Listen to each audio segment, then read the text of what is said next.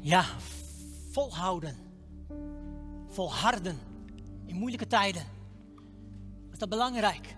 De Bijbel staat vol voorbeelden van mensen die dat deden. En hoe konden ze dat? Door het woord te kennen. Door te leven uit dat woord en ervan te getuigen. Iemand die dat deed was Ezra. Ik wil vanmorgen met jullie stilstaan bij Ezra. Ezra kennen we niet zo goed. Nehemia kennen we beter. Nou, dat was een tijdgenoot van Ezra. En Ezra was bekend omdat hij zo'n kenner was van de Torah, van het begin van de Bijbel, wat men toen had. En Ezra leefde daar ook uit. En Ezra onderwees dat aan zijn volksgenoten. Ik ga vanmorgen een gedeelte met jullie lezen uit het boek Ezra. De eerste hoofdstukken is een stukje geschiedenis wat hij vertelt, kom ik straks op terug, maar ik lees hoofdstuk 7, de eerste tien versen met jullie. En daarin wordt ons Ezra voorgesteld. 7 vers 1. Later, tijdens de regering van Artaxerxes, de koning van Perzië, vertrok een zekere Ezra uit Babylonië. Hij was de zoon van Seraja en die was weer de zoon van Azaria, die de zoon van Galkia, de zoon van Salem, de zoon van Sadok, de zoon van Achituf, de zoon van Amaria, de zoon van Azaria, de zoon van Merayot, de zoon van Serachia, de zoon van Uzi, de zoon van Buki, de zoon van Abisua, de zoon van Pinegas, de zoon van Eleazar, de zoon van Aaron, de eerste priester. Daar komen we uiteindelijk bij terecht, eeuwen eerder. Deze Ezra was een schrijver, goed onderlegd in de wet van Mozes, de wet die de Heer, de God van Israël, heeft gegeven.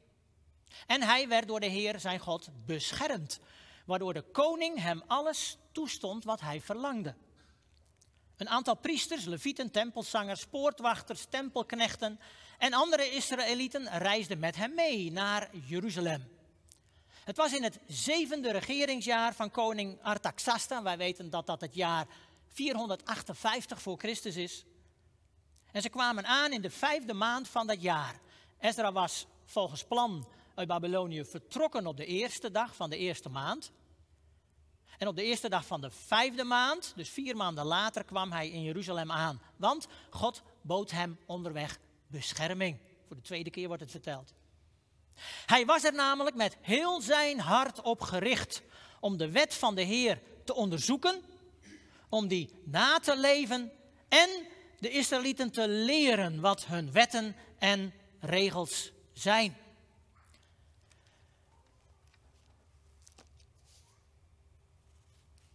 In onze tijd hebben we heel veel aandacht voor asielzoekers, voor vluchtelingen, politieke vluchtelingen, economische vluchtelingen, mensen die uit hun land verdreven zijn door oorlog of andere redenen. Ezra had ook zo'n ervaring. Hij leefde in een vreemd land. Hij was Israëliet, maar hij was geboren in Babylonië. Hij was een vreemdeling daar in het land. Nu was hij niet verdreven uit zijn eigen land, maar zijn voorouders. Hij was mogelijk de, de derde generatie na degene die op de vlucht moest slaan. Of misschien nog wel eerder. Niet op de vlucht slaan, ze waren in ballingschap gevoerd. Meegenomen naar Babel.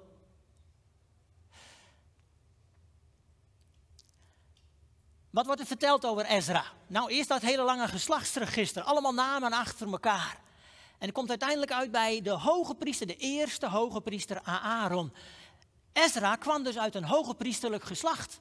Hij was zelf geen hoge priester, maar omdat hij van Aaron afstamde, was hij geboren om fulltime de Heer te dienen als priester. En er wordt ook van hem verteld dat hij schrijver was. Dat is een goede vertaling van het woord, maar nog maar korte tijd later werd het woord anders geïnterpreteerd en werd dat schriftgeleerde genoemd. Ezra was een schriftgeleerde. Hij bestudeerde de schriften. En in het bijzonder de Torah, de leefregel van God. En het schriftgeleerde komt ook naar voren in het feit dat Ezra waarschijnlijk dit boek Ezra heeft opgeschreven.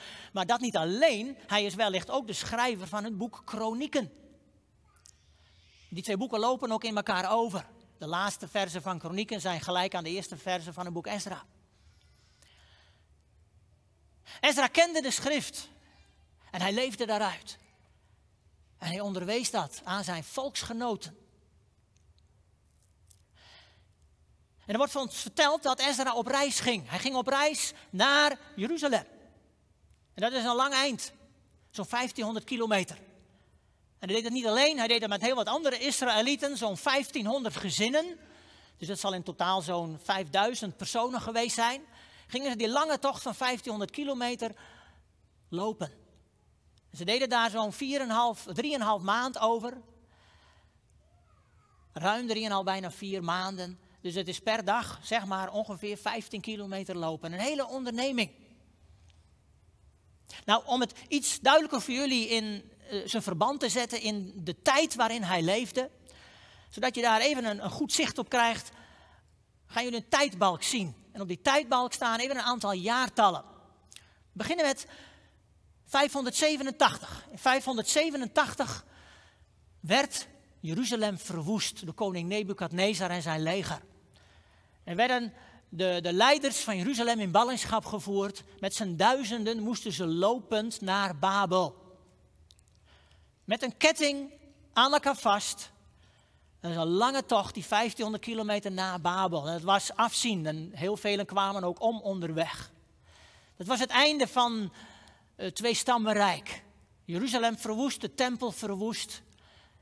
En het grootste deel van het volk in ballingschap. Vijftig jaar later, in het jaar 538, kwam er een andere koning aan het bewind. Die versloeg de Babyloniërs, koning Kores, of in de nieuwere vertalingen koning Cyrus. En die gaf de Joden, de Israëlieten, toestemming om terug te keren naar Jeruzalem. Dat gaf hij ook aan andere volken, zodat ze hun godsdienst weer op orde konden hebben en zodat het daar rustig was in zijn rijk.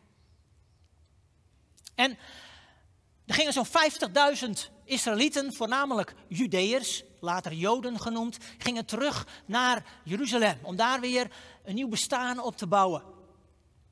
Nu, in ons gedeelte van Ezra, zijn we weer een 80 jaar later. Het is het jaar 458. En Ezra onderneemt ook die tocht terug naar Jeruzalem. Samen met een 5000 mensen. En het zal een jaar of 14 daarna geweest zijn, in het jaar 444, dat ook Nehemia teruggaat. Met een duizendtal Joden. En hij gaat terug om als politiek leider de muren van Jeruzalem te herbouwen. Terwijl Ezra terugging om geestelijk de boel weer op orde te zetten en de mensen te helpen om weer samen God te dienen in de tempeldienst. En Ezra en Nehemia hebben ook een tijd lang samengewerkt, blijkt uit het boek Nehemia. Heb je even een beetje een idee? En nou is het ook duidelijk dat Ezra generaties later geboren was dan de mensen die weggevoerd waren uit, Babel, uit Jeruzalem naar Babel toe. Heel veel Joden bleven dan ook in Babel wonen toen ze terug mochten. Want ze waren geboren in Babel, ze hadden daar een bestaan op gebouwd. En ze hadden zich zo goed en zo kwaad als het ging aangepast aan de cultuur, aan de omgeving, al hielden ze hun Joodse gewoonten vast. Want dat deden, dat doen Israëlieten. Ezra woonde dus ook in Babel als priester, als schriftgeleerde.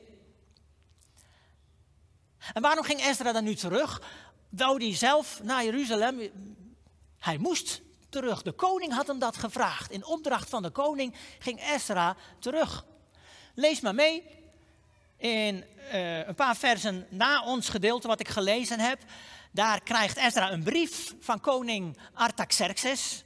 En dan staat daar, ik lees even vers 14. U, Ezra, u wordt namelijk vanwege de koning en zijn zeven raadgevers naar Juda en Jeruzalem gezonden om daar een onderzoek in te stellen naar de naleving van de wet van God waarover u beschikt, de Torah van de Heer, van Yahweh. Je moet kijken, Ezra, of de mensen daar goed leven naar het woord van God. Wat een opdracht van de koning. Geweldig. Waarom doet de koning dat? En dat lezen we bijna aan het einde van de brief in vers 23. Lees maar weer mee. Alle voorschriften van de God van de hemel die zijn tempel betreffen, moeten nauwgezet worden uitgevoerd, opdat zijn toren het rijk van de koning en zijn zonen niet zal treffen. Daar ging het de koning om, opdat de toren van God hem niet zou treffen. En dat gold ook voor andere goden van andere volken die hij ook weer terugstuurde.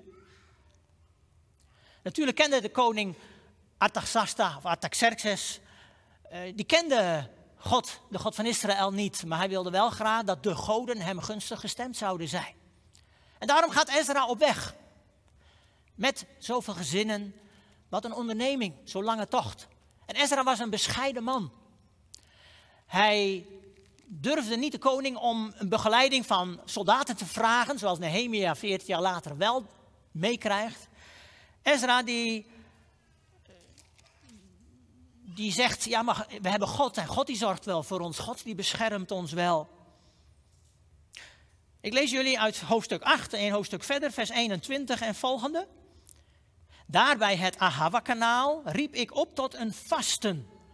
Om ons te verootmoedigen voor onze God en Hem te smeken om een voorspoedige reis voor onszelf. Voor onze kleine kinderen en voor al onze bezittingen. Ik had mij er namelijk voor geschaamd om de koning om een escorte te vragen van soldaten en ruiters die ons zouden kunnen beschermen tegen vijanden op onze weg. Want we hadden tegen de koning gezegd, onze God biedt allen bescherming die zijn hulp vragen. Maar zijn hevige toren treft allen die zich van hem afkeren. Daarom vasten wij en vroegen onze God om hulp en hij verhoorde ons. Zo'n tien dagen van bidden en vasten. Om te smeken dat ze een goede reis mochten hebben. En God beschermde hen. God verhoorde hen. Zie je hoe Ezra vertrouwde op God. En dat ook tegen de koning had gezegd. En de daad bij het woord voegt. Ezra putte namelijk moed uit zijn geloof. Dat wordt een aantal keren ons verteld. Ik blader weer even terug naar het zevende hoofdstuk, direct naar de brief die de koning hem had gegeven. Als hij die gelezen heeft, dan de laatste paar versen van hoofdstuk 7, vers 27. Daar zegt Ezra, geloofd zij de Heer, de God van onze voorouders, die de koning het besluit heeft ingegeven de tempel van de Heer in Jeruzalem van grote luister te voorzien. En mij heeft verheven in de gunst van de koning, van zijn raadgevers en van al zijn machtige rijksgroten. En omdat de Heer, mijn God, mij beschermde, vatte ik moed en bracht de leiders van Israël bijeen om met mij te vertrekken. En dan hebben ze eerst die bidstond en dan gaan ze op weg. Dat wordt ons verteld in hoofdstuk 8, vers 31. Op de twaalfde van de eerste maand braken we op bij het Awaha-kanaal en gingen op weg naar Jeruzalem. En die 1500 kilometer lang lopen. Onze God beschermde ons. En zo bleven we gespaard voor vijanden en struikrovers. Wat een prachtige getuigenis van de moed en het geloof van Ezra. Ik maak even een sprongetje naar onze tijd. Een jaar of veertig geleden, eh, eind 70, begin 80 jaren, had de NBG, het Nederlands Bijbelgenootschap, had een slogan. En dat was lees, leef, geef de Bijbel. Natuurlijk om het Bijbelgebruik te promoten. Ik weet nog wel dat we toen stickers hadden die we op verschillende dingen plakten, waar dat zo op stond met een aantal kleurtjes. Lees, leef, geef de Bijbel. Nou, dit was nou eigenlijk precies de slogan van het leven van Ezra. Daarom putte hij moed. Hij putte moed uit dat woord van God. En ik neem jullie nog even mee naar het tiende vers, want dat is eigenlijk het sleutelvers. Het tiende vers van wat ik jullie in het begin gelezen heb van hoofdstuk 7. Nou, lees maar weer mee. Hij, Ezra, was er namelijk met heel zijn hart op gericht. Om in eerste plaats de wet van de Heer te onderzoeken. Hij las dat woord van God aandachtig. En om die na te leven. Hij leefde uit wat hij las. Hij bracht het in praktijk. En om de Israëlieten in de derde plaats te leren wat hun wetten en regels zijn. Hij deed het. Lees, leef, geef. Hij bracht dat in praktijk. Dit was zijn, zijn leven met God. Dit was de slogan van Ezra en van zoveel andere mensen in de Bijbel. Zo kon hij het volhouden in een vreemde maatschappij en een vreemde cultuur. Zo kon hij zijn volksgenoten leren wat het was om God te kennen en om God te dienen. En ik ga met jullie stilstaan bij deze drie dingen. Lees de Bijbel het woord van God. Lees alles wat Hij ons heeft bekendgemaakt in zijn woord. We zijn zo rijk gezegend dat we zoveel vertalingen hebben in het Nederlands. Wat is jouw gewoonte met Bijbel lezen? De Heer Jezus, Hij is het woord. Het levende woord. En als je hem wilt leren kennen, er wordt zoveel over hem geschreven. Vanaf het begin van de Bijbel, Genesis 1 vers 1, tot het einde, het laatste vers van de openbaring. Het gaat steeds over de Heer Jezus. Dat we Hem mogen leren kennen. En door Hem in een open relatie met God mogen komen. Maar we hebben het nodig om gevoed te worden door dat woord. Om te leven vanuit het woord van God. En dat kan alleen maar als je het zelf neemt en het zelf leest. En het herleest en het overdenkt en het bestudeert. En het uit het hoofd leert. En noem maar op, je kunt van alles met dat woord van God doen. Het is het levende brood. De Heer Jezus is het levende brood. Maar het woord van God geeft ons zijn woord. Laat ons Jezus kennen. We eten meestal drie keer per dag of zelfs vaker. Met tussendoortjes en al. Hoe zit het met het woord van God? Heb je honger naar het woord van God? Eet je ook geestelijk uit dat woord? We hebben zoveel mogelijkheden. Met lees, roosters, met Bijbel-apps. De tekst van de dag, heel veel mensen hebben dat op hun mobiel, zodat je al direct aan het begin van de dag kunt beginnen met één Bijbelvers of een paar Bijbelversen. Het is belangrijk om het een gewoonte van je leven te maken. Toen ik 15 was en de Heer Jezus persoonlijk leerde kennen, toen was ik helemaal gek van het woord van God. Ik wilde het lezen, lezen en lezen. Ik heb verschillende Bijbels al versleten in het lezen van de Bijbel. En op een gegeven moment ben ik ook begonnen met een, met een Bijbelleesrooster. Eerst in vier jaar tijd de Bijbel uitlezen. Ik dacht, nou, dat is al heel lang, 1600 bladzijden. Toen in twee jaar tijd de Bijbel doorlezen, maar de laatste jaren. En ik vind het nog, ik ontdek steeds nieuwe dingen nog in de Bijbel. Ik denk dat ik hem al een keer op 25 heb doorgelezen. Elk jaar lees ik nu de Bijbel door. Meestal weer in andere vertaling. En steeds ontdek ik nieuwe dingen. Leer ik nieuwe dingen. Over mezelf. Over de Heer Jezus. Over de Heere God. En hoe ik met Hem mag leven. Lees de Bijbel. Maak het tot, tot je dagelijkse gewoonte. Niet omdat het een plicht is. Omdat het moet. Maar het voedt je. je gaat groeien in relatie met God. En dan die tweede stap. Leef. Leef het woord van God. Want je kunt het lezen, maar als je er niks mee doet, dan helpt het je niet. Dat is misschien interessant, maar dan werkt het niet door in je leven. Maar als je gaat leven wat je hebt gelezen, dan groei je in je relatie met God de Vader. Als je het in praktijk gaat brengen. Als je ook gaat doen wat je leest. En dat betekent dat Gods woord ons altijd weer oproept om, om zaken in je leven te veranderen. Om stappen te zetten in geloof met de Heere God. Dat betekent dat Hij ons bij de hand neemt en dat de geest die in ons hart woont ons helpt om het woord van God niet alleen te begrijpen, maar ook toe te gaan passen in je dagelijkse leven. Want met het woord van God houdt de Heer ons een spiegel voor. Een spiegel waarin we zien hoe het ervoor staat in ons leven. En waarin Hij ons helpt om aan de slag te gaan met te groeien naar Jezus toe. Steeds meer op Hem te gaan lijken. Ik wil een paar versen met jullie lezen uit Jacobus, de brief van Jacobus. En die, die noemt dat ook zo. Dat het woord van God een spiegel is. Jacobus, hoofdstuk 1, vers 23 en 24. Want, schrijft Jacobus, wie de boodschap hoort, maar er niets mee doet, is net als iemand die het gezicht waarmee hij geboren is in de spiegel bekijkt hij ziet zichzelf, maar zodra hij wegloopt is hij vergeten hoe hij eruit zag. Wie zich daarentegen spiegelt in de volmaakte wet, die vrijheid brengt, dat is de wet van Christus, het woord van de Heer. Wie zich spiegelt in de volmaakte wet die vrijheid brengt en dat blijft doen, niet als iemand die hoort en vergeet, maar als iemand die ernaar handelt, hem valt geluk ten deel, juist om wat hij doet. Hem valt geluk ten deel. We hebben erover gezongen. Het wordt ook vertaald met die is zalig. Die is in een open relatie met God. Dat je niet alleen leest wat God wil, maar dat je het ook doet. Want die Torah, die geboden en verboden, die waren niet bedoeld als een wet om bovenop je leven te leggen, maar om je te laten genieten van je relatie met God. Dat wil God nou juist zo graag.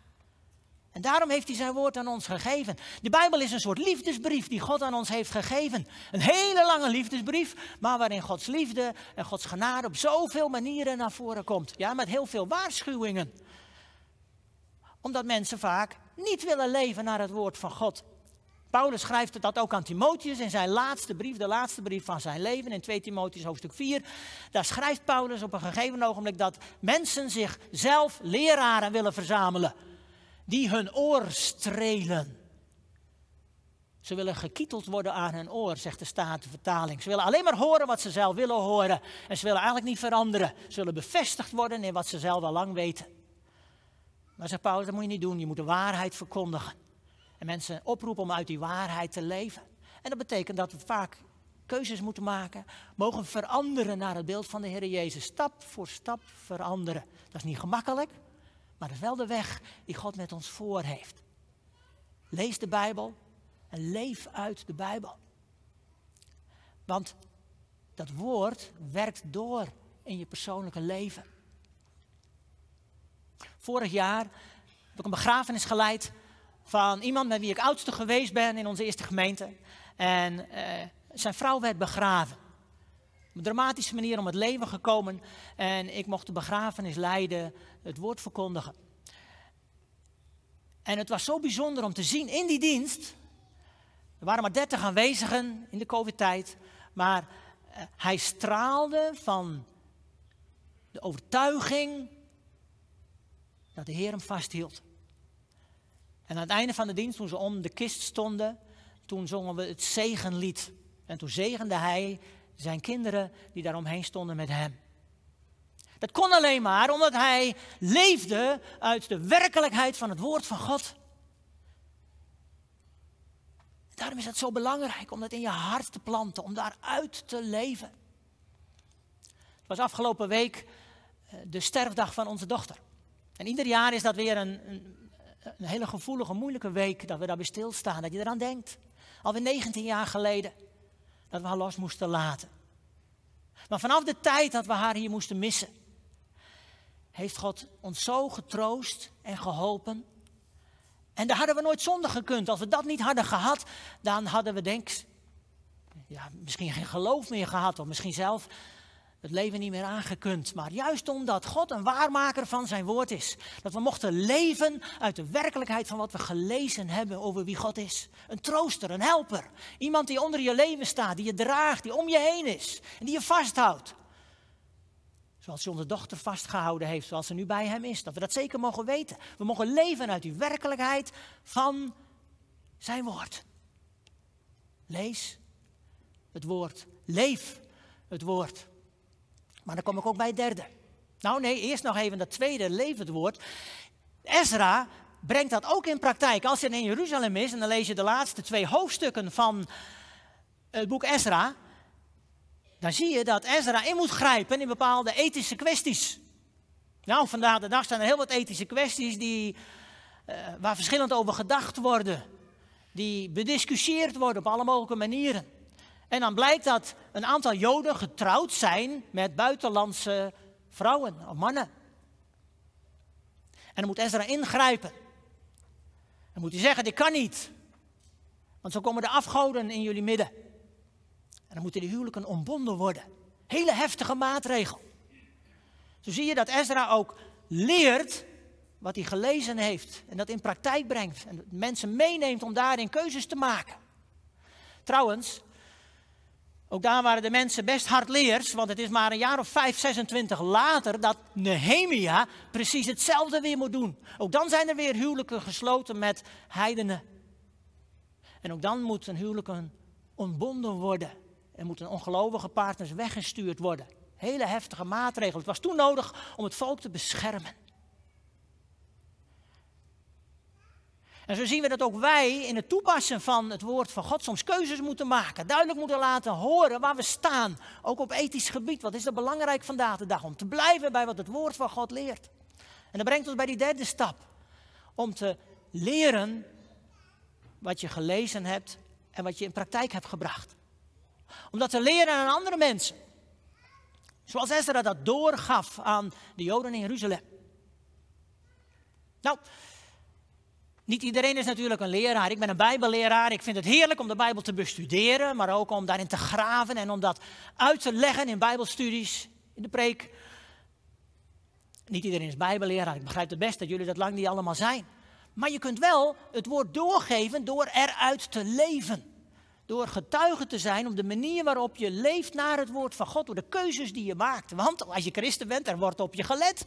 Je buren letten op je, je collega's letten op je, je klasgenoten. En ze weten best wel dat je christen bent. En ze letten erop welke keuzes je maakt. En op die manier kun je ook het woord van God door doorgeven, door daaruit te leven. Dit is wat Ezra ook deed, wat hij doorgaf, wat hij deelde. En soms vraagt het ook van ons om kleur te bekennen. Om te getuigen wat we geloven. Om te zeggen hoe het woord van God ervoor staat. Wij we leven in een moeilijke tijd. En uh, met al die beperkingen die we hebben. Het is wel iets ruimer, maar wie weet komen ze straks weer terug, de beperkingen. Wat is het belangrijk dat we juist nu laten zien dat het geloof in ons hart niet beperkt is. Dat we vrij zijn in Christus, wat de beperkingen ook zijn. En dat we daarvan getuigen. Dat we wijzen op onze relatie met God de Vader door de Heer Jezus. Op die manier te getuigen van ons geloof in de Heer Jezus. Dat is de praktijk van alle dag. En zo kunnen we dat woord doorgeven. Lees, leef en geef. Ezra stond bij de koning bekend als iemand die een kenner was van de Torah van de Heer, van de hemel. Tot twee keer toe staat het in die brief. Moet je zelf maar eens lezen in Ezra hoofdstuk 7. Hij stond bekend als kenner van het woord. Wat zou het nou mooi zijn als, als jij en ik bekend zouden staan als kenners van het woord. En dat ene zinnetje, dat spreekt me ook aan, waar vers 10 mee begint. Hij had heel zijn hart erop gezet. Heel zijn hart erop gezet om het woord van God te lezen, te leren en door te geven. We hebben een gezegd in het Nederlands, waar je hart vol van is, daar stroomt je mond van over. Waar zit jouw hart vol van? Weet je, dat kan ik zien door waarover je graag spreekt door waar je vol van zit. Wil je hart vol maken met het woord van God, met God de Vader, je relatie met Hem, dan ga je er automatisch ook over praten en aan leven. Daaruit blijkt dat. Wil je Ezra als voorbeeld nemen? Als een geweldig kenner van het woord van God, die eruit leefde en het ook doorgaf. Wat een uitdaging. Zullen we samen bidden? Heer, dank u wel voor dit geweldige voorbeeld van Ezra. Dank u voor het feit dat hij uw woord zo kende. En daaruit leefde, dat het ook te zien was, ook voor de koning en anderen. En dat hij het ook doorgaf, een belangrijke taak kreeg in Jeruzalem. Heer, dank u wel dat dat ook heeft geleid tot een opwekking in Jeruzalem en Judea. Heer, er zijn zoveel andere mensen in de Bijbel die leefden uit uw woord. Met vallen en opstaan. Heer, en ook wij leven in tijden waarin het nodig is dat we ons vasthouden aan de belofte van uw woord. Heer, en ik bid ook dan dat u ons wilt helpen om te staan op uw woord, om het ons eigen te maken. Door daarvoor tijd vrij te maken, het te lezen, te bestuderen. Maar ook door keuzes te maken en eruit te gaan leven. Help ons te luisteren naar uw stem, Heilige Geest, in ons hart om te horen wat er moet gebeuren. Waartoe u ons oproept. Juist om te groeien in onze relatie met u. En Heer, help ons om op die manier ook te laten zien aan de mensen om ons heen dat we bij u horen. Dat we u willen volgen. Dat we u willen gehoorzamen in elk opzicht. Heer, dat kunnen we niet zelf, daar hebben we elkaar bij nodig. Om elkaar te bemoedigen en aan te sporen. Maar bovenal hebben we daar uw hulp bij nodig. En dan mogen we bidden voor elkaar. En dank u wel dat we zo kunnen standhouden zo kunnen volhouden. Volhouden aan uw hand. Volhouden in deze tijd. Volhouden op weg. Op weg naar u. Dank u wel. In Jezus' naam. Amen.